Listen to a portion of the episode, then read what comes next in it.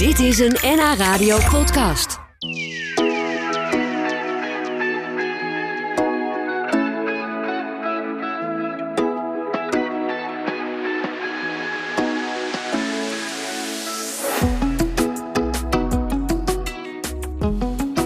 Ik ga praten met Karen Soeters van dierenbeschermingsorganisatie House of Animals. Ze bestaan inmiddels tien jaar. Ze bekommeren zich om het welzijn van dieren in binnen- en buitenland. Maar sinds het uitbreken van de oorlog in Oekraïne heeft Karen het nog drukker dan anders.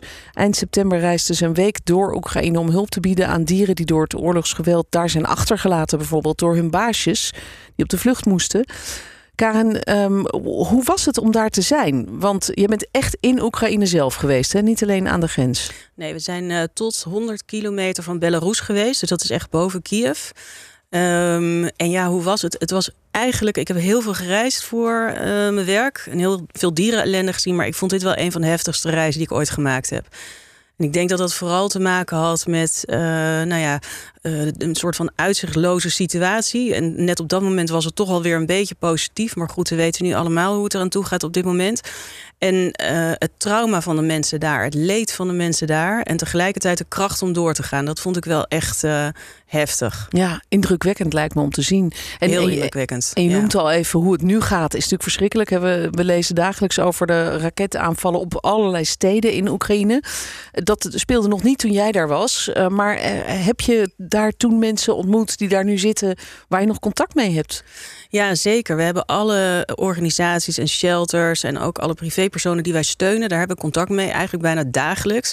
Dus ons hele team gaat iedere ochtend uh, de Viber-groepen. Dus Viber is net zoiets als WhatsApp, maar dat gebruiken ze daarmee meer. En uh, iedere ochtend gaan we kijken van, ja, leeft iedereen nog? Uh, hoe gaat het met jullie? Hoe gaat het met de dieren? Um, in het oosten van het land was het toen wij er waren ook al slecht. We wilden ja, heel graag ja. naar een opvang Pegasus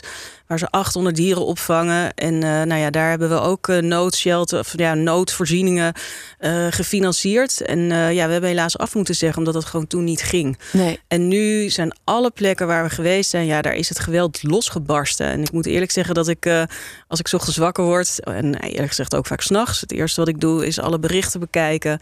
En ja, daar, daar kijk je nog anders tegenaan als je er geweest bent, denk ik. Ja, dat kan me voorstellen inderdaad. Jij volgt dat nieuws natuurlijk veel intenser, omdat je ook allemaal mensen kent daar en weet hoe de dieren erbij zitten. Ja.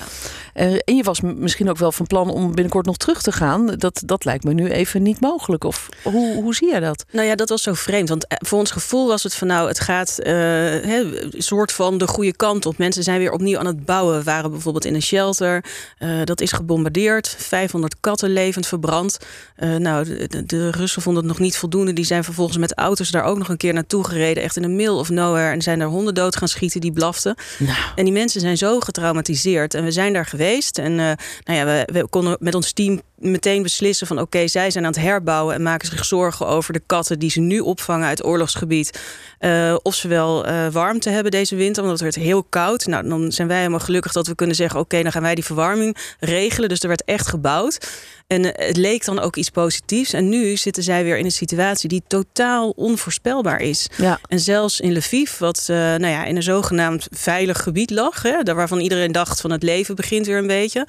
daar, ja, daar, daar kwamen maandag in vijf uur tijd 80 raketten naar beneden. Vertelden de mensen ons daar. Ongelooflijk. En dat is wel ja. heftig. En, en ook in Kiev, ja, toen wij daar waren, toen was het heel erg...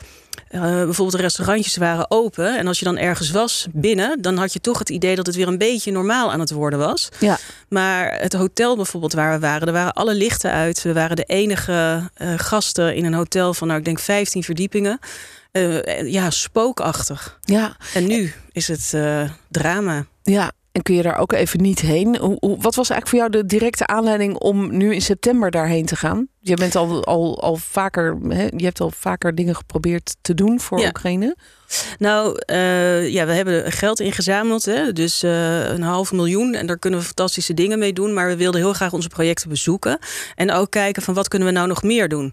En soms dan, het is echt wel heel fijn om daar dan te zijn en zelf te zien van oké, okay, uh, je, je, kan voedsel geven. Maar we hoorden bijvoorbeeld bij een shelter waar we ook een aggregaat hebben geleverd. En die ook vreselijk geraakt is. Daar hebben hebben we um, op een gegeven moment gezien dat zij een sterilisatieproject gingen opzetten. Want al die dieren die op straat terecht zijn gekomen, dat zijn gewoon huishonden en katten, maar die zijn vaak niet gecastreerd.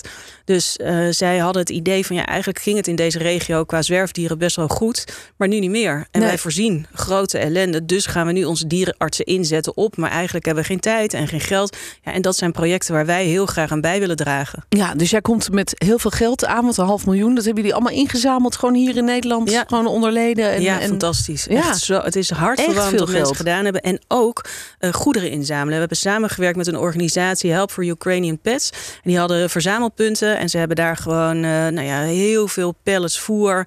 En uiteindelijk, uh, nou ja, inmiddels hebben we meer dan 400.000 kilo voer kunnen leveren zo. aan Oekraïne. Ja. ja, dus dat zijn wel echt mooie dingen. Ik vind ook dat gewoon de hulp die we gekregen hebben, dat was fantastisch. En de dankbaarheid van de mensen daar, die zou ik echt graag willen overbrengen naar de donateurs hier in Nederland.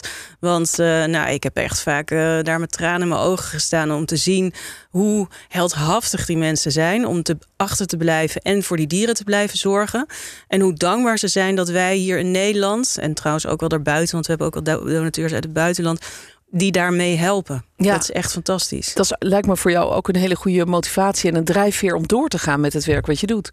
Nou ja, ons hele team had echt toen we teruggingen nog maar één ding: van wij gaan meer geld. Er moet meer geld moet. Ja, en, we moeten uh, terug. Het einde mag niet in zicht zijn, want de winter komt eraan. En dan uh, wordt het natuurlijk nog heftiger daar. En uh, de situatie verergert. Want we hebben dus niet alleen maar honden en katten, maar bijvoorbeeld ook paarden die achter worden gelaten. En nou, we hebben een organisatie die haalt dan paarden uit oorlogsgebied. Nou, die transportkosten moeten betaald worden. Dus dat konden we doen. Ehm, maar ja, nu, alles is een oorlogsgebied. Dus nu moeten er weer noodshelters gebouwd worden. Ja. Want mensen gaan weg en, en stallen worden gebombardeerd. Dus het is. En de winter komt eraan, dus het gaat koud worden. Ja. Ja, ja, dus die, die, die opvangverblijven moeten op de een of andere manier ook nog een beetje warm gemaakt worden. Ja, precies. Ja. Nou ja, en om je vraag te beantwoorden van alweer even geleden. um, ik wil heel graag terug, maar de vraag is wanneer. En we hebben heel goed contact met de beveiliging. We hadden ook beveiliging daar. En uh, nou ja, zij kijken ook van wanneer is het weer, ja, wanneer zou het kunnen? En eigenlijk hadden we die afspraak gemaakt toen we weggingen. Van we willen heel graag toch naar het oosten onze projecten bezoeken. Oké, okay, nou laten we contact houden. Op het moment dat het kan, dan, dan komen jullie. Ja. Ja, en twee weken later, uh, de maandagochtend uh, ja, wordt het hele land aangevallen. Dus het is op dit moment uh, mensen die ons beveiligd hebben, die, die liggen nu bij wijze van spreken in loopgraven ergens. Het is, ja. als je ziet, we krijgen af en toe filmpjes opgestuurd. Nou, dat is afschuwelijk. Gruwelijk. Ja. Karen, we praten zo dadelijk nog eventjes uh, verder over het, over het goede werk wat jullie doen met, met jouw organisatie The House of Animals. Ik praat vandaag met Karen Soeters. Karen, jij bent net terug uit de Oekraïne eigenlijk, waar je bij allerlei ja, opvangplekken bent geweest. Om te kijken wat ze daar nodig hebben aan hulp. Was het niet ook enorm verdrietig voor jouzelf om, om te zien al die ontheemde katten en honden waarvan de baasjes gevlucht zijn en die nu dan bij elkaar opgepropt zitten. Ja, dat is echt waanzinnig uh, ingewikkeld om te zien. Ik ben in een shelter geweest waar meer dan 3000 honden worden opgevangen. En waar het nog steeds drukker wordt. En waar echt, terwijl ik daar was, ook gewoon dozen met puppies voor de deur worden gezet. Dus ja, dat is moeilijk om te zien. Ook uh, gewoon particulieren die in hun woonkamer ineens 60 honden opvangen. Die ze allemaal van straat hebben gehaald. Uit de buurt, uit dichte appartementen. Uh, waar mensen dachten van nou, we zijn een paar dagen weg, laten eten achter en we komen wel weer terug. Maar ja, dat terugkomen, dat uh, liet maar op zich wachten. En ja, dat, dat, dat raakt wel. Alleen wat ik altijd denk, en dat, dat lukt helemaal niet altijd, maar dat is wel wat ik denk is dat ik heel blij ben dat ik daar naartoe mag. En dat ja. ik het verhaal kan vertellen. En dat ik het altijd wel echt belangrijk vind om mijn eigen emotie proberen een beetje uh, thuis uh, er maar uit te laten gaan. Ja, en niet een, allemaal hondjes ook mee te nemen naar huis. Want je hebt ook een eigen nee. hond, toch? Dus... Ik heb een eigen hond, maar ja. het mag ook niet. Dus je kan niet zomaar honden... Oekraïne is een derde land, dus je kan ook niet zomaar honden mee de grens overnemen. Oh, oké. Okay. Ze moeten gewoon daar worden geholpen. Ze moeten daar worden geholpen. En het duurt ongeveer een half jaar als je een hond legaal naar Nederland wil krijgen. Tenzij je een vluchteling bent. Want vluchtelingen mogen dus wel gelukkig hun huisdier meenemen. Oh ja, dat is waar. Ja, daar is nog veel over in het nieuws geweest. Ja. Maar goed, veel dieren blijven daar dus achter. Um, het is eigenlijk een soort noodhulp die jullie nu proberen daar te bieden. Um, ja. Dat lijkt me ook voor, voor jullie organisatie, de House of Animals, wel even schakelen. Want dat doen jullie normaal gesproken niet, toch? Ja, echt enorm schakelen. Want toen wij begonnen, ik wist bijvoorbeeld niet eens wat een Europallet was. Uh, nou ja, dat is een hele bekende pallet. Over hoe je vervoert en hoeveel vrachtwagens en hoeveel erin kan. Nou, ik wist het allemaal niet. Maar het mooie vind ik wel dat in zo'n noodsituatie mensen ook echt wel uh, verenigen. Dus we kregen een fantastisch team van mensen die precies weten hoe transporten geregeld kunnen worden. Dus binnen no time uh, konden we dus samen met dat Help Ukrainian Pets konden we twee vrachtwagens per week naar Oekraïne sturen.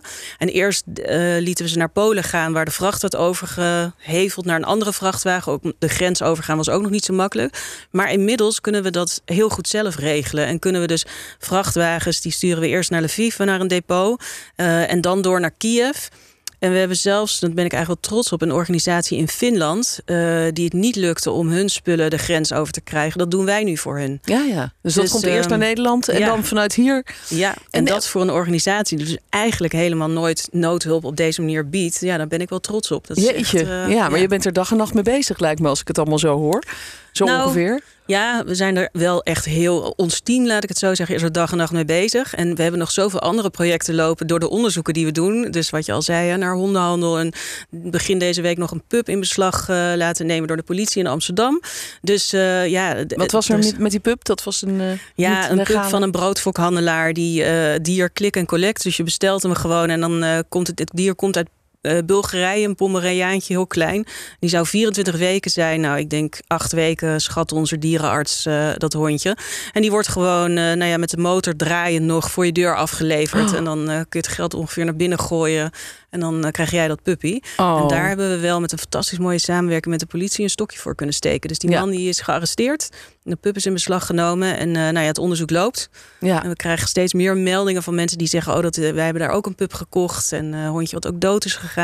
Dus dat wordt dan groter en groter. Maar die dingen lopen ernaast. Dat gaat allemaal dwars door elkaar eigenlijk. Het gaat allemaal dwars Tegelijkertijd, door elkaar. Ja. Maar wel iedere ochtend wakker worden. Als eerst het nieuws kijken. En in onze Vibergroep. Ik denk dat iedereen binnenhuis die betrokken is bij Oekraïne-project die, uh, die doet dat. Ja, tuurlijk. Ja. want het zijn ook de mensen die jullie kennen gewoon. Het zijn eigenlijk collega's, maar ook mensen die je ontmoet hebt. Uh, heel onlangs nog. Dus je wil gewoon weten hoe het met ze gaat. Nou weet je, ik denk dat, we, dat het eigenlijk bijna vrienden zijn geworden. We hebben zo'n intens contact in de oorlog of tijdens de oorlog gehad. Dat je, dat je echt, uh, ook toen we elkaar voor het eerst zagen, de organisatie waar we het meeste mee samenwerken. ja, dat, dat is gewoon, da, da, daar is iets ontstaan waarvan ik denk dat is wel echt heel bijzonder eigenlijk. Ja, dat is mooi. En in de tussentijd heb je dus ook nog een boek geschreven. En dat boek dat komt over een paar weken uit. Uh, wanneer precies en hoe heet het? Het heet Vooruit met de geit. Oh. En uh, ja, het gaat over een foto met geiten. Die staat op de cover.